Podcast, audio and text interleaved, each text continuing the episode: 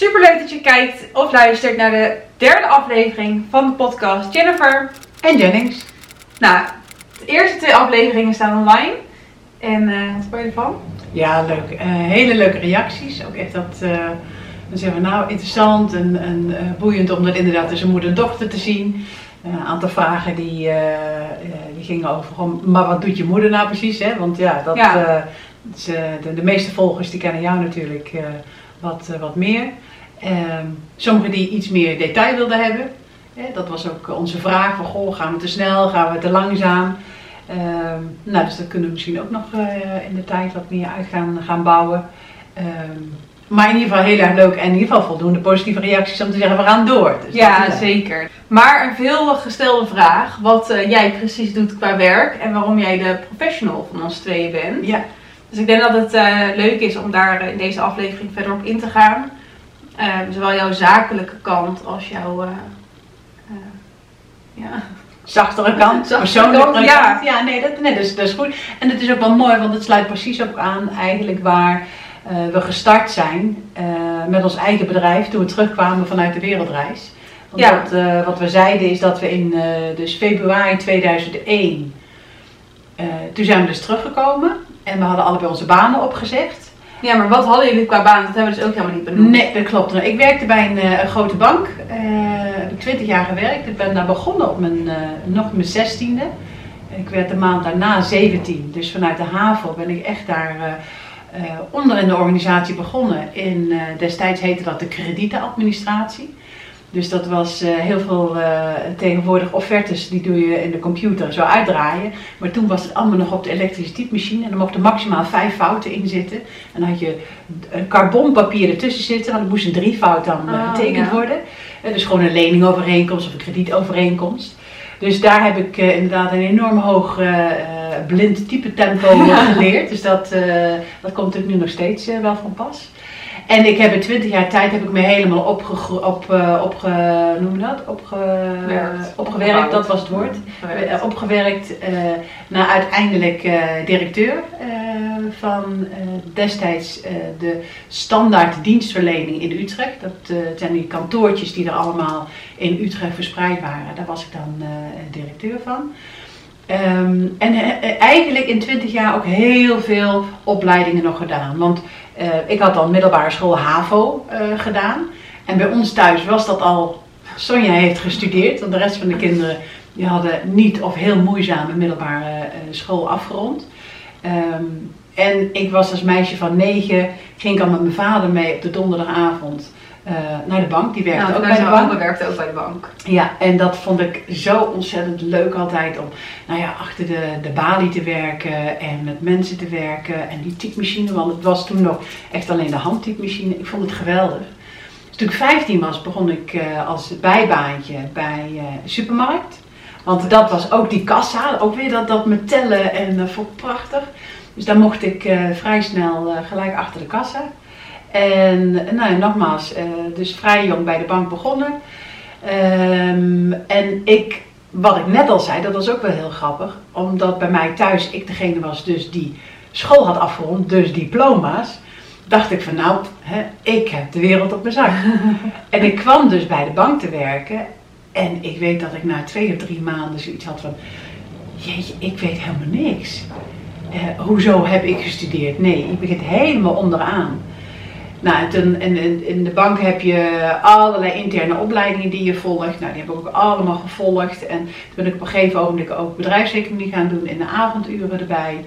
En ik denk dat ik tien jaar lang echt gewoon eh, s s'avonds gestudeerd heb.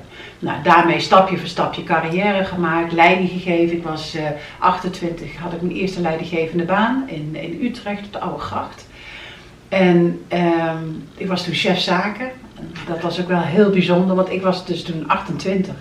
En ik had toen, ik denk, zeven of acht mensen eh, waar ik leiding aan moest geven. En de jongste die was dus 40. Nou, dan kun je nagaan. Echt, het gebouw was ook oud. En En Nou, echt dus gewoon een beetje een mannenwereld was toen. hele Absoluut, ja, ja, ja, want ik, eh, want twee jaar daarna was ik eh, ook directeur in een, in een andere plaats. En had ik ook klanten en dan ging ik naar de klanten toe. En dan zeiden ze, goh, nou wil je vast een kop koffie? Dan wachten we even tot je baas erbij is. Want ja, ik was dan de rechterhand op de secretaresse of de, uh, de, de assistenten. Maar in die tijd, hè, want dan praat je uiteindelijk over 30 jaar geleden, ruim, nou, zeg ik, 40 jaar geleden. Nee, 30. Toen ik echt de leidinggevende uh, functies had. Um, ja, dan was dat nog niet zo gebruikelijk. Dus, dus dat was uiteindelijk ook een, een, een heel groeipad. Uh, heb ik heel veel geleerd, um, eigenlijk in integraal denken, hoe je iets bereikt met elkaar. Want dat is denk ik wel het, uh, het kenmerk van, van een bankier. Dat die leert om integraal naar een probleem te kijken. Dus het is niet alleen de financiering wat je verstrekt. Maar het is ook hoe zit de ondernemer in elkaar? Hoe zit het bedrijf in elkaar? Hoe is het team in elkaar? Um, zijn er voldoende financiën, maar ook voor de langere termijn. Dus al die aspecten, die, dat zag ik eigenlijk pas achteraf, had ik geleerd in alle trainingen en opleidingen die, uh, die ik had gevolgd. En die, die wilde ik eigenlijk wel verder uitdiepen, maar veel meer vanuit de menselijke kant. Want toen we stopten met, met werken met die wereldreis, was er uh, iets wat bij mij ging, ging eigenlijk ontwikkelen en broeien. Van wat bijzonder dat in teams en afdelingen uh, zulke grote verschillen zijn in het bereiken van resultaten. Sommige mensen die bereikten eigenlijk altijd een resultaat en anderen helemaal niet. En ik denk, goh, wat, wat voor dynamiek is dat nou? Waar, waar komt dat vandaan? En ik had al in een van mijn trainingen even gesnuffeld aan, aan NLP neurolinguistisch programmeren, wat eigenlijk de, de basis is van goede communicatie. En ik dacht, oh, daar wil ik wel meer van weten, want uh, beter communiceren en hoe zitten die teams in elkaar. Dus in de zomer van 2001, toen heb ik een. Uh, ja, toen we weer terugkwamen van toen kwamen we terug van de wereldreis. Ja. Um, nou, dat met oma was natuurlijk gebeurd. Uh, dus dat had natuurlijk vrij veel impact, ook, ook in, in mezelf. Van ja, je verliest je moeder. En ik was toen, uh, wat was ik? Oh, ik vind dat zo lastig om dat te bedenken. Dat was 2001. Nu 58 was ik 37. Ja, ja 37, 38. Um, nou, dus best wel jong. Uh, want ze was 65, dus dat, ja, dat is niet echt de leeftijd tegenwoordig waarop je overlijdt. Heb ik die, die training heb ik me voor ingeschreven. En ik dacht dus, dat was dus de basis NLP bij het NTI NLP Instituut in Limmen. En ik dacht, ik ga daar gewoon hè, heel erg instrumenteel leren hoe je beter gaat communiceren. Maar uiteindelijk is het een hele persoonlijke ontwikkelingstraject.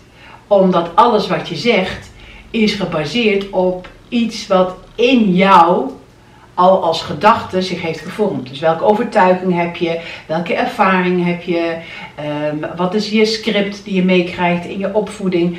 en dat je blueprint. Precies, je, je prins, hè, dat bepaalt eigenlijk al voordat je iets zegt, al in, in honderdduizend verschillende manieren wat er in jouw hoofd allemaal gebeurt voordat het eruit komt.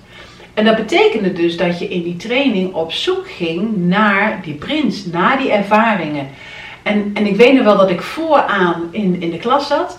En alles wat zeg maar, die trainer ook zei, hè, hoezo? Ik me, hoezo dan? Want ik was alles aan het bevragen. Dat moest allemaal cognitief. Hè. Ik, ik zat heel erg in mijn hoofd. En dat was wel iets wat, wat toen ongelooflijk heftig was voor mij. Omdat ik vrij veel dingen meegemaakt had. Is dat ik heel erg in mijn hoofd was gaan zitten. Heel erg rationele dingen. Dat was mijn overlevingsmethode. Van oké, rationeel, zakelijk de dingen uh, bekijken. En um, op het moment dat, dat ik bij mijn gevoel kwam, en dat heb ik bij, in de carrière bij de bank al een keer meegemaakt, dat ik toen tegen mijn, mijn grens aankwam. Dat was na die eerste leidinggevende functie. En we hadden besloten, we waren, hoe heette dat toen? Dinkies, double income, no kids. Terwijl ik eigenlijk van binnen heel graag uh, moeder wilde worden. Maar dat stond natuurlijk onze carrières in de weg. En toen kwam ik een beetje in de knoop. Ben ik bij mijn maatschappelijke werker toen terechtgekomen. En die zei tegen mij, goh, waar zit jouw gevoel? Toen zei ik, nou, hier zo ergens. Dan zei ze, leg je hand er eens op. En ik kon dat dus niet. Hè. Ik kon niet mijn hand zo op mijn gevoel. Dat was zo spannend. Dus daar wist ik al hmm, hier moet ik wel wat mee gaan doen. Dus stapje voor stapje was ik daar al een beetje mee bezig. En bij die training, die, die zomertraining bij, uh, bij het instituut, daar kwam ik echt helemaal met dat gevoel in aanraking. En ik weet nog dat, dat was de laatste dag, dan, dan heb je daar een bepaalde, uh, en dat mag, we mogen dat dus niet vertellen, maar een bepaalde activiteit die je moet doen.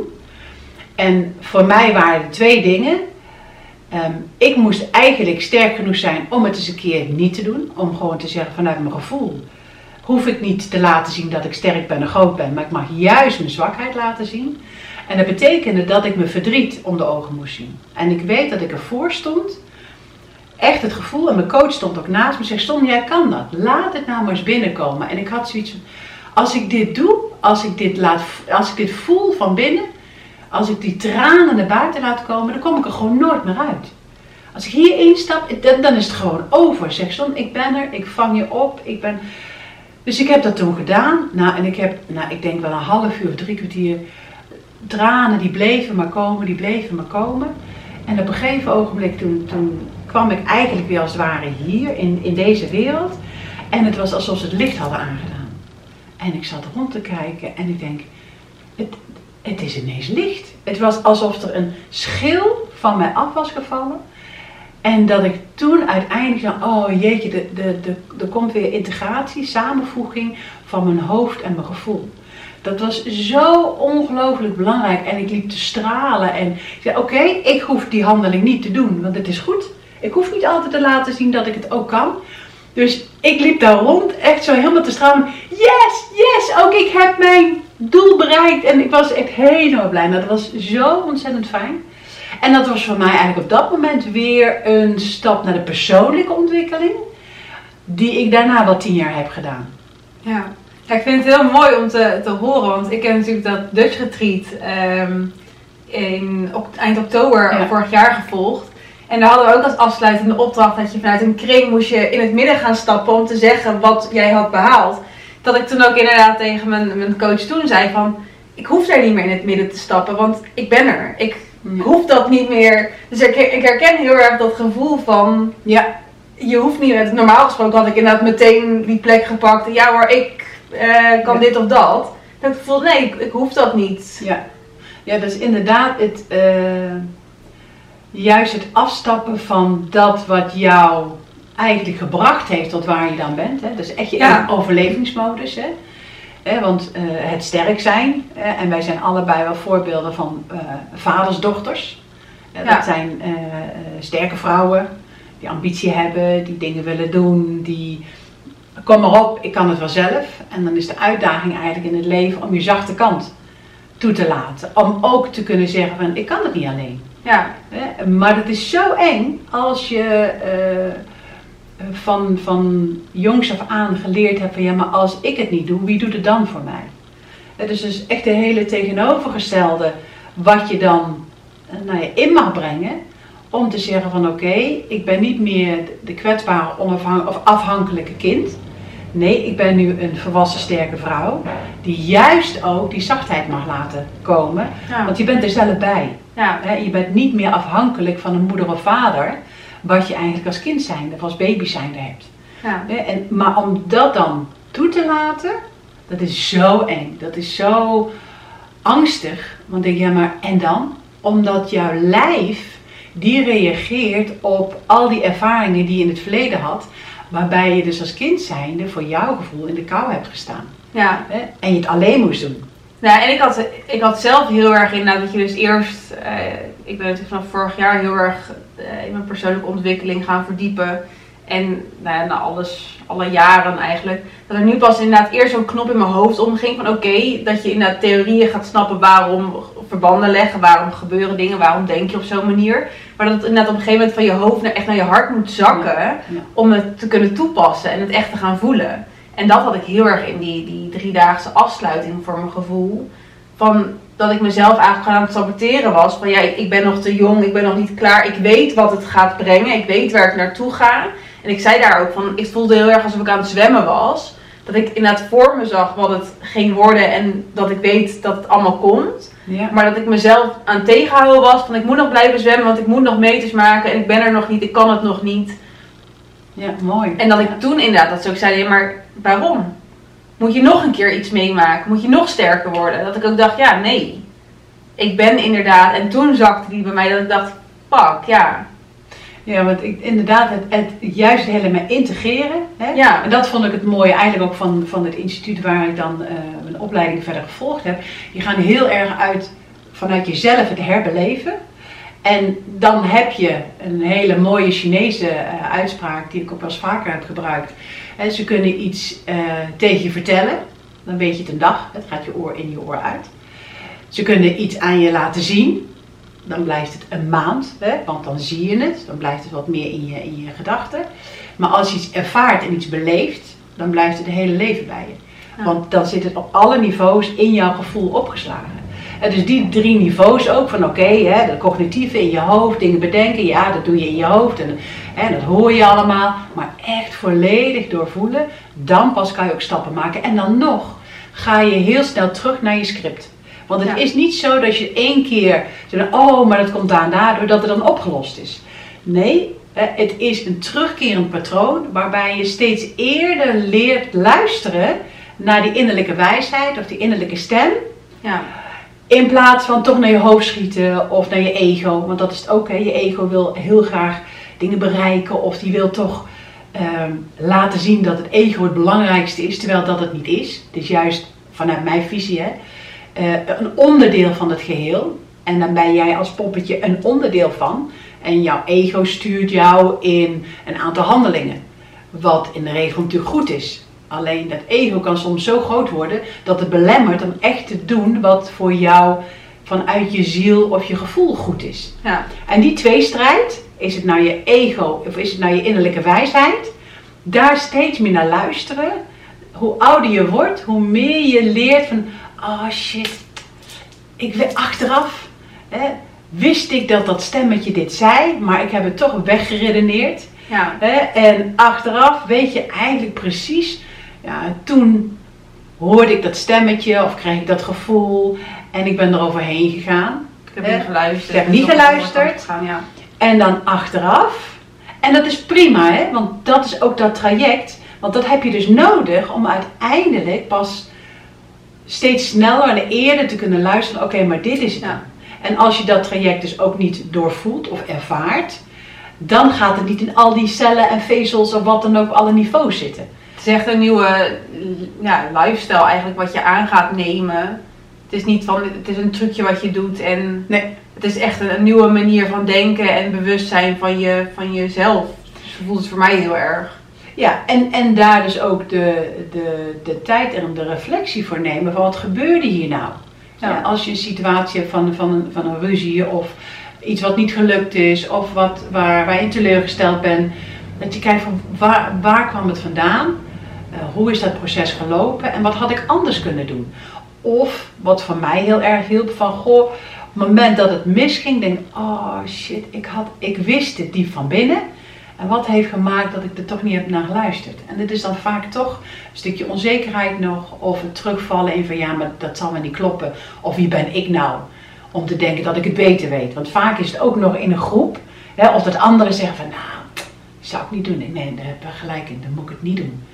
Terwijl ik zelf heel erg voel, ik moet het wel doen. Ja.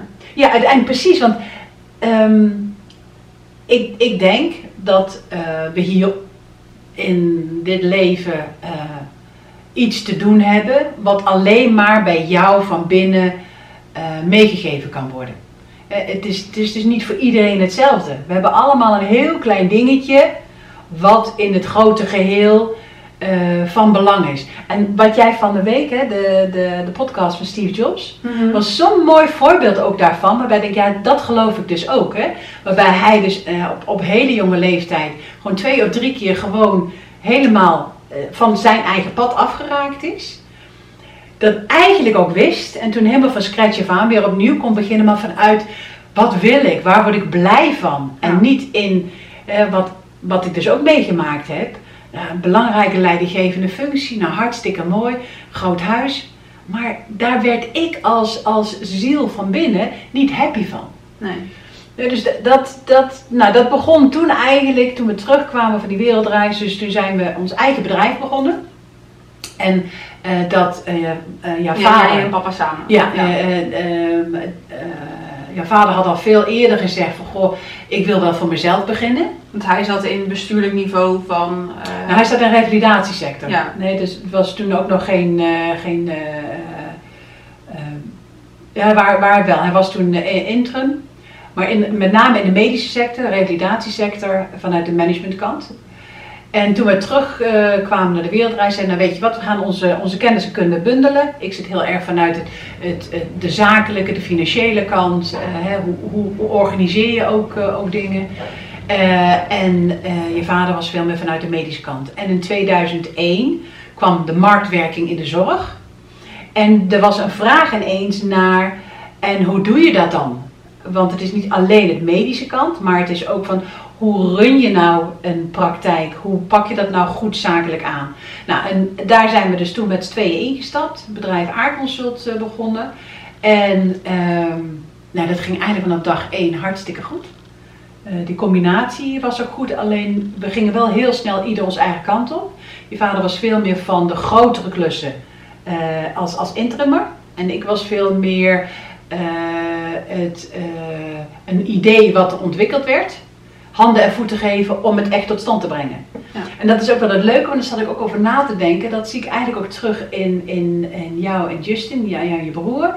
Is um, de combinatie van ons allebei. Hè? Je vader is veel meer van de ideeën.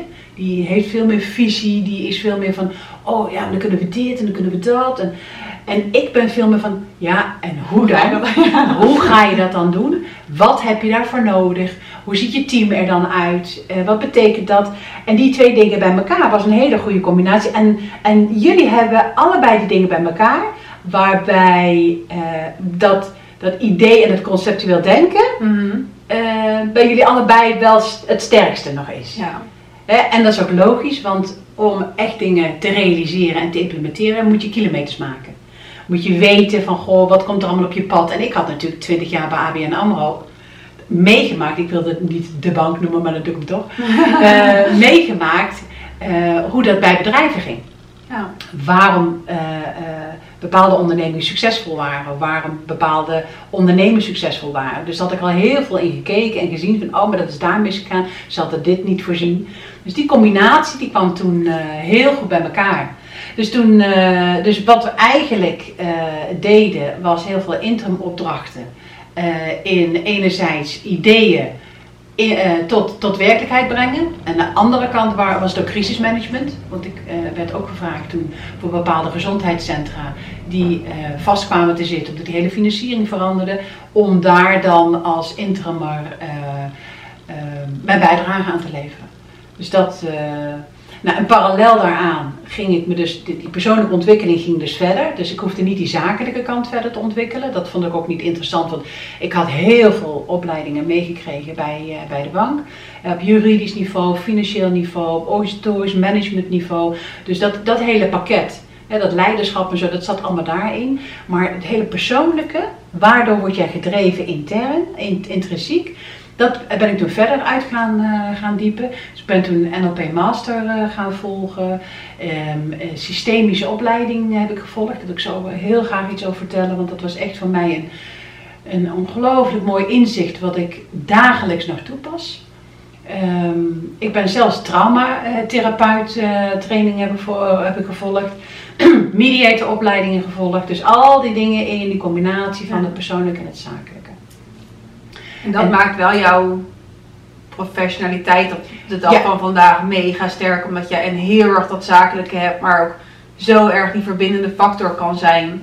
En je nog steeds in de, in de zorgsector ja. rondwandelt. Ja, en, en dat combineer ik nog steeds vanuit uh, het, het, eigen bedrijf. Ik heb Aardconsult uh, overgenomen toen, uh, toen je vader en ik gingen scheiden.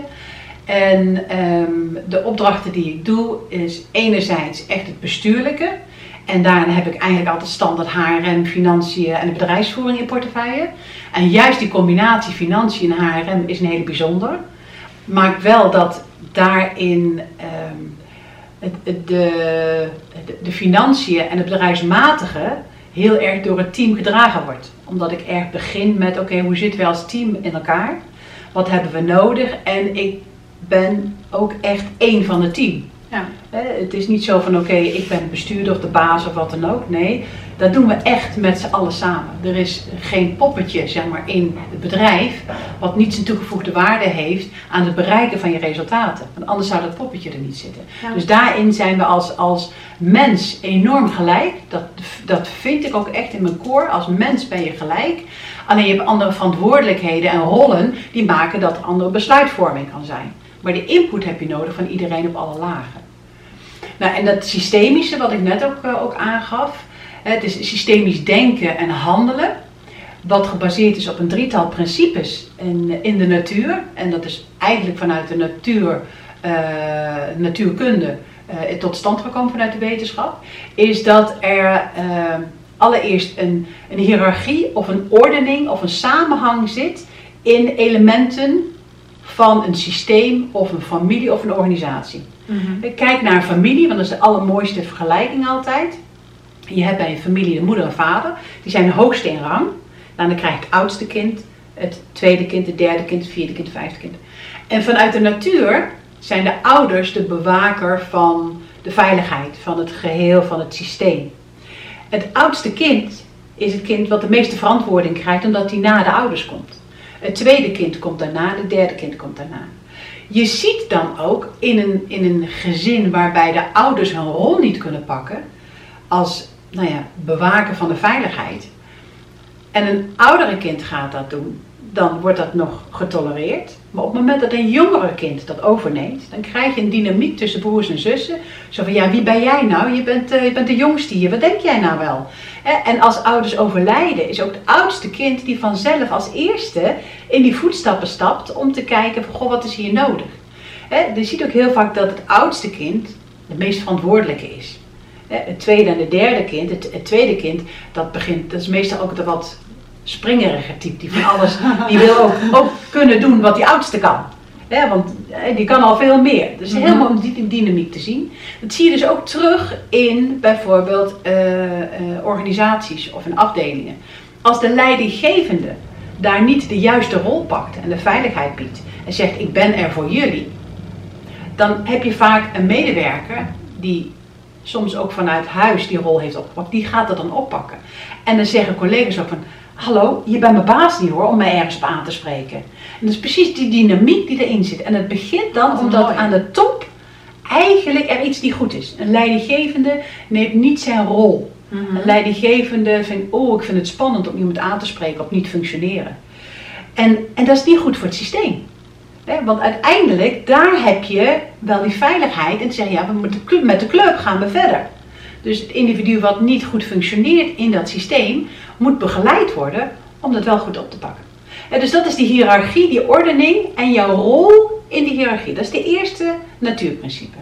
Het tweede is dat er ehm, een, een verbinding moet zijn en geen binding. Dus hoe zit het met verbinding en binding? Waarbij het verschil is dat verbinding komt vanuit een intrinsieke motivatie. Mhm. Ik wil hier graag bij zijn. Ik ben onderdeel van het geheel. En binding is iets van, ik heb een juridische overeenkomst. Ik kan hier niet uit. ehm, ik moet hier zijn. Ik heb een arbeidsovereenkomst. En als je de verbinding mist en je gaat naar binding, dan geeft het ook een bepaalde dynamiek. Ja. Een voorbeeld is Vaak dat. dat mensen dan afhaken toch al. Precies. Ja. Dat kan je heel erg goed zien op het moment dat mensen zeggen van oké, ik werk ja, omdat ik geld moet verdienen. Maar niet omdat ze zeggen ik vind het hier leuk om een bijdrage te leveren. Dit is mijn plek. Dan, dan krijg je een bepaalde mentaliteit. Je komt binnen, je zit je tijd uit en je gaat weer weg. Ja. Dan bereik je niet met z'n allen een mooi resultaat. Nee. In een familie is hetzelfde. Op het moment dat je zegt van ik ben graag lid van deze familie, heb je twee uitdagingen. A, je kan er nooit uit. Want je bent en blijft altijd familie. Dat is nou eenmaal je bloed. Mhm. En op het moment dat je zegt van, oh nee, ik hoor hier niet bij, ik, ga, ik ga in de binding, dan krijg je een dynamiek dat je dus een deel van jezelf afstoot. En dat kan dus niet. Dus dan krijg je eigenlijk het afstoten van jezelf, terwijl je wel kunt zeggen, ik accepteer het gedrag niet van deze familie. En ik ben er eenmaal hier onderdeel van, maar het is voor mij nu niet goed om hierbij betrokken te zijn. Dus de verbinding blijf je voelen, maar je kan best zeggen, en voorlopig moet ik even aan de zijkant gaan staan. Ah, ja. Zonder afstand te nemen van het feit dat het familie is. Want nogmaals, dat zijn best situaties waarbij je zegt van nou, dit werkt niet, dit moet ik niet doen. Ja. Maar als je dus vanuit de negativiteit zegt van oké, ik snij de verbinding door. En ik heb er niets mee te maken, het is mijn familie niet meer. Of wat dan ook, en je praat daar slecht over, dan praat je eigenlijk slecht over jezelf. Nee, dat onderdeel van. Precies, Ja. het is ook jouw bloed. Ja, dus binding, verbinding. Hè? Dus hoe zit jij in een bepaald systeem? En de laatste, de derde, is het balans tussen geven en nemen. Mhm. En dat is in relaties zo boeiend om te zien. En dit zijn natuurlijk allemaal generaliserende zwart-wit-stellingen. Het zit altijd natuurlijk een beetje in het midden. Maar om het helder te maken is het wel fijn om juist die uitgangspunten te begrijpen. En geven en nemen wil zeggen dat je uiteindelijk in staat moet zijn om te wisselen in die rollen. Maar dat je ook kunt zeggen van oké, eh, nu even die ander. Of, ehm, en, en daar moet ik één ding bij zeggen, de enige dynamiek waarbij dat anders mag zijn is tussen ouder en kind. Ja. Tot een bepaald altijd. Precies. De ouder is degene die heel veel geeft. Die heel veel geeft. Heel veel geeft. En een kind neemt. Een kind neemt. En als het kind ouder wordt of volwassen wordt, dan gaan zij geven. Ja. En dan neemt het kind weer als je het leven doorgeeft, of de maatschappij. Als je bewust geen kinderen wilt of onbewust geen kinderen wilt, dan is het ook goed om te kijken waar ga jij dan weer, het universum, het geheel, jouw balans weer in brengen. Dus, dus dat geven en nemen komt tussen nou, zeg maar, eh, volwassenen, kinderen, eh, ouders, eh, meesters, leerman. daar, zit, daar zit het allemaal in. En ehm, in relaties is het heel boeiend om te zien hoe zit jij daarin. Ben je gelijkwaardig? Kun je af en toe zeggen van oké, nu ik even. En ja, ik neem dit bewust voor mezelf. Of ben je iemand die alleen maar blijft geven? Het punt is, als je alleen maar geeft, dan kan jouw partner alleen maar nemen. Die kan alleen maar nemen. En die wordt dan als het ware geprogrammeerd om te nemen. En op een gegeven moment gaat dat scheef. Want dan komt bij jou een gevoel van, ja maar hallo, krijg ik nooit eens iets terug? Ja, het is die ander moet het niet, niet, niet doen. Jij moet Moet nemen. ervoor openstaan. Precies. Want anders is die andere, zeg maar, weer in de dynamiek dat jij bepaalt en afhankelijk bent. Dus kun jij op een gegeven moment zeggen van oké, ik neem nu. En ik heb daar een heel klein voorbeeldje van. Waarbij ik op een gegeven moment wist, oké, ik ben nu voor mezelf door dat geven en nemen systeem heen. En het was toen er het laatste stukje chocola op een bordje lag. Dat we in een groepje waren. En dat laatste chocola, nou ik zou nooit en never degene zijn geweest die dat laatste nam. Maar nee, ik ben op, al die anderen gaan eerst voor. Ja. En, en daarna doe ik het. En ik nam dus, die is voor mij. En toen ik dat ook zonder schuldgevoel of wat dan ook. Het is een heel klein voorbeeldje, maar daar gaat het wel om, die Ja. dynamiek. Ook in relaties. En het vervelende is, als je dat niet kan doorbreken, als je dus voor jezelf niet in balans bent met ik eerst en de ander. Dus niet altijd ik eerst en de ander komt later. Nee, maar ik mag ook eens een keer eerst. En dat die dynamiek is. Dan kan het niet anders zijn dan dat je eigenlijk een, een, een, een eh, dynamiek in je relatie gaat krijgen. Waarbij de ene alleen maar blijft nemen of blijft geven. En daar krijg je spanningen van. Ja. Dus dan krijg je relatieproblemen van, omdat er heel erg diep dingetjes zitten. En het zit dus in jou. Het zit niet in die relatie, maar het zit in het feit dat jij de dynamiek eh, niet kan doorbreken. En 9 van de 10 keer zoeken we dus juist, onbewust, in ons groeipad tot ontwikkeling, die partner die met jou dat traject aangaat. Dus kun je daarin samen de juiste balans vinden. Zeggen, hé, hey, maar zo speelt dat bij ons. Van, oh, wacht even. En als ik terugkijk ook naar hè, mijn, mijn huwelijk met, met jouw vader, was het een ontzettend belangrijke dynamiek. Want ik zat inderdaad vanuit mijn kind zijn, van mijn opvoeding, alleen maar met geven. Hè. Als jongste van vier, waarin er heel veel was gebeurd, had ik op negenjarige leeftijd besloten, ik moet het, het lieve, brave dochtertje zijn. En toen kreeg je ook nog een broertje erbij. En toen kwam er een broertje bij, hè, dus daar moest ik ook nog voor mijn gevoel over moederen. En, die, en zeg maar, dat script, want dat is dan zo'n script, zo'n overtuiging, die heb ik dus heel lang meegenomen, ook in mijn huwelijk. Ik ben degene die hè, moet geven, die moet ondersteunen. En dat maakte dat de, je partner dan ook alleen maar kan nemen. Want die kan niet uit die dynamiek komen als jij niet open staat daarvoor. Ja. Eh, dus dat een, een- Heb je een mooie concrete vraag of opdracht of iets wat je, eh, wat, de, wat de luisteraar als Ja. vindt dan? Ja, ik denk eh, dat eigenlijk het zou heel mooi zijn dat als je op al die drie de vlakken kijkt in je persoonlijke relatie, van goh, hoe, hoe ziet dat eruit bij mij? Hè, dus heb ik mijn rol in mijn gezin? Voel ik mij de jongste of de oudste? Of ben ik al aan het moederen over mijn ouders, omdat ik vind dat ze dingen niet goed doen? Of aan het vaderen over mijn ouders, want dan ga je als kind eigenlijk boven je ouders stellen. Dat is een hele belangrijke. En je kan het ook in je werk doen. Vind je dat jouw leidinggevende ook de leidinggevende is? Dan denken we, nou, die heeft echt geen verstand van wat die doet hoor. Da- daar kan die dy- dynamiek ook in terugkomen. En zo zou je dat ook kunnen geven geven en nemen. Hoe zit het ook in je werk? Want heb je een, een werkgever die alleen maar neemt, die eigenlijk zijn werknemers uitzuigt? Of heb je een werknemer die zegt van, goh, hoe is het met jou thuis? Hoe, gaat het bij jou met die coronasituatie? Hè, trek je het een beetje? Eh, ook daarin zit diezelfde dynamiek ook, ook eh, eh, op werkniveau. en hoe zit het bij je relatie? Eh, en, en ook op je werk, hele belangrijke. Zit je daar in verbinding? Ga je met plezier naar je werk? Of denk je, ja, nou, ik moet eenmaal geld verdienen? Dan is dat een hele interessante om te onderzoeken. En natuurlijk bij je relatie ook. Hè? Zit je erin om te zeggen, ik, ben, ik word hier blij van, ik word hier gelukkig van. Of zeggen van ja, ik ben ooit eens die verplichting aangegaan, 10 of 20, 30 jaar geleden. En mijn droom was samen oud te worden. Maar als ik heel goed diep van binnen kijk, dan word ik misschien eigenlijk niet echt heel blij hiervan. Maar ik wil hier geen of relaties over. Niet dat je nu hele... Dat niet, maar het is En dan kan je in je relatie daaraan werken. Precies, dan kan je ook zeggen, joh, als ik heel eerlijk ben, en er zijn vier stadia van eerlijkheid, en, en dan stopt deze groep met, eh, met het verhaal. Allereerst durf tegen jezelf van binnen te zeggen van, goh, wat vind ik echt? Hoe sta ik echt ten opzichte van iets of die ander?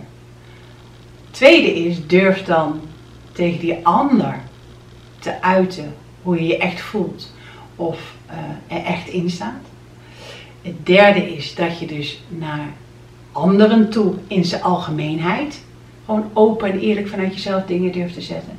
En de vierde stadium is uiteindelijk als je in elke situatie altijd open en eerlijk kan vertellen hoe jij ten opzichte van die ander of ten opzichte van een bepaalde situatie je voelt. En die allereerste is eerst hè, voor jezelf met jezelf in balans zeggen. En maar wat vind ik hier echt van? is de allermoeilijkste. Want Ja. dat is gedreven door allerlei gedachten en overtuigingen en wensen en noem maar op. Ja, dan moet je naar echt puur naar de basis, naar wie ben jij en waar Ja. sta je voor. Ja. En daar komt het vandaan. Ja. En 9 van de 10 keer kan je dat niet alleen. Heb je een, eh, iemand om je heen nodig om er tegen te sparren. Want we zijn een meester in onszelf voor de gek houden. Ik echt, dat, dat, nou daar komen we ook nog wel een keer over eh, te praten. Maar we, en dat is, dat is goed, want dat is die overleving, dat is je ego wat gewoon nodig is. Eh, dus vaak houdt die je voor de gek.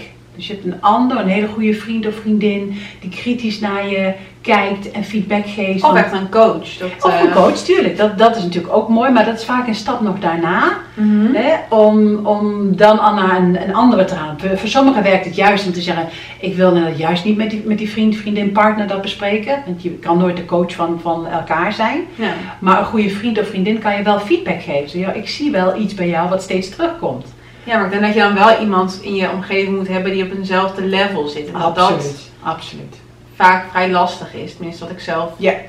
best wel merk. Ja, dat, de- ik geloof dat je daar helemaal gelijk in hebt. Daarom zijn er tegenwoordig ook zoveel coaches. Ja. Eh, eh, A, omdat eh, we denk ik met z'n allen erg met spiritualiteit en groeien zo bezig zijn. En je wilt heel graag je eigen ervaringen delen met anderen. Ja. En het feit dat je vaak een buitenstaander nodig hebt. Omdat je daar zeg maar, je script en je verhaal en, en de lijn niet mee hebt. Wat je wel met heel veel mensen in je omgeving hebt. Ja. En dat, dat stukje, punt 3 en 4 van die eerlijkheid en over jezelf de eerlijkheid kunnen uitspreken, dat dat bij iemand in je omgeving vaak al een hele grote drempel kan Ja. zijn. Dat klopt, want wat gaat die ander van jou vinden Ja. of zeggen of denken? Of eh, misschien krijg je daar wel ruzies van en, en ben je conflictmijdend. Terwijl je ook op een hele goede manier iets kan vertellen zonder dat je de confrontatie aan Ja. hoeft te gaan. Hè? Maar dat vergt wel dat je zelf in balans moet zijn. Ja. Eh, En dat, uiteindelijk is dat je enige opdracht in het leven, is aan jezelf werken. Eh, want als je aan jezelf werkt, dan werk je vanzelf ook aan je relatie, aan je gezin, aan je familie en uiteindelijk aan de druppel die jij bent in het hele grote universum. Ja. Mooie woorden om af te sluiten misschien, denk ik. Want... Ik, het, ik vind hem echt mega inspirerend. Ik hang echt aan je lippen. Ik zie het. Ik wil er maar luisteren. Ik vind het zo tof. En het, uh, ja, dit is zoveel informatie en zoveel waardevolle...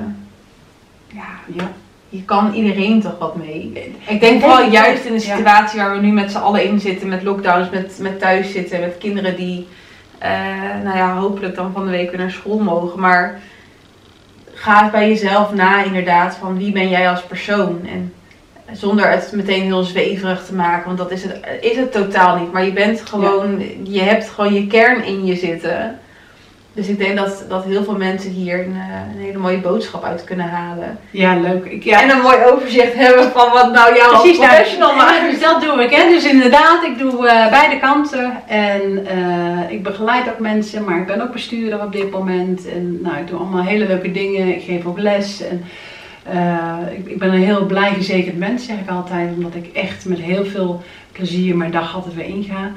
Maar als jullie vragen hebben of voorbeelden of wat dan ook. Uh, volgens mij zegt Jen altijd van nou, uh, hieronder kan je iets zien of lezen of uh, posten. Doe dat vooral. En alle dingen zijn die jullie nog meer willen weten. geef het aan, dan kunnen we daar in de volgende podcast iets mee. Ik vond het weer een feestje. Super, dankjewel. Leuk, ja. We gaan hem afsluiten. Bedankt voor het luisteren. Kijken, inderdaad, heb je een vraag? Stel hem hieronder in een reactie. Vind je het te persoonlijk, mag je ook altijd gewoon een privébericht sturen. Dan kunnen we daar ook gewoon op reageren. En dan hoop dat je volgende week weer kijkt. Doei!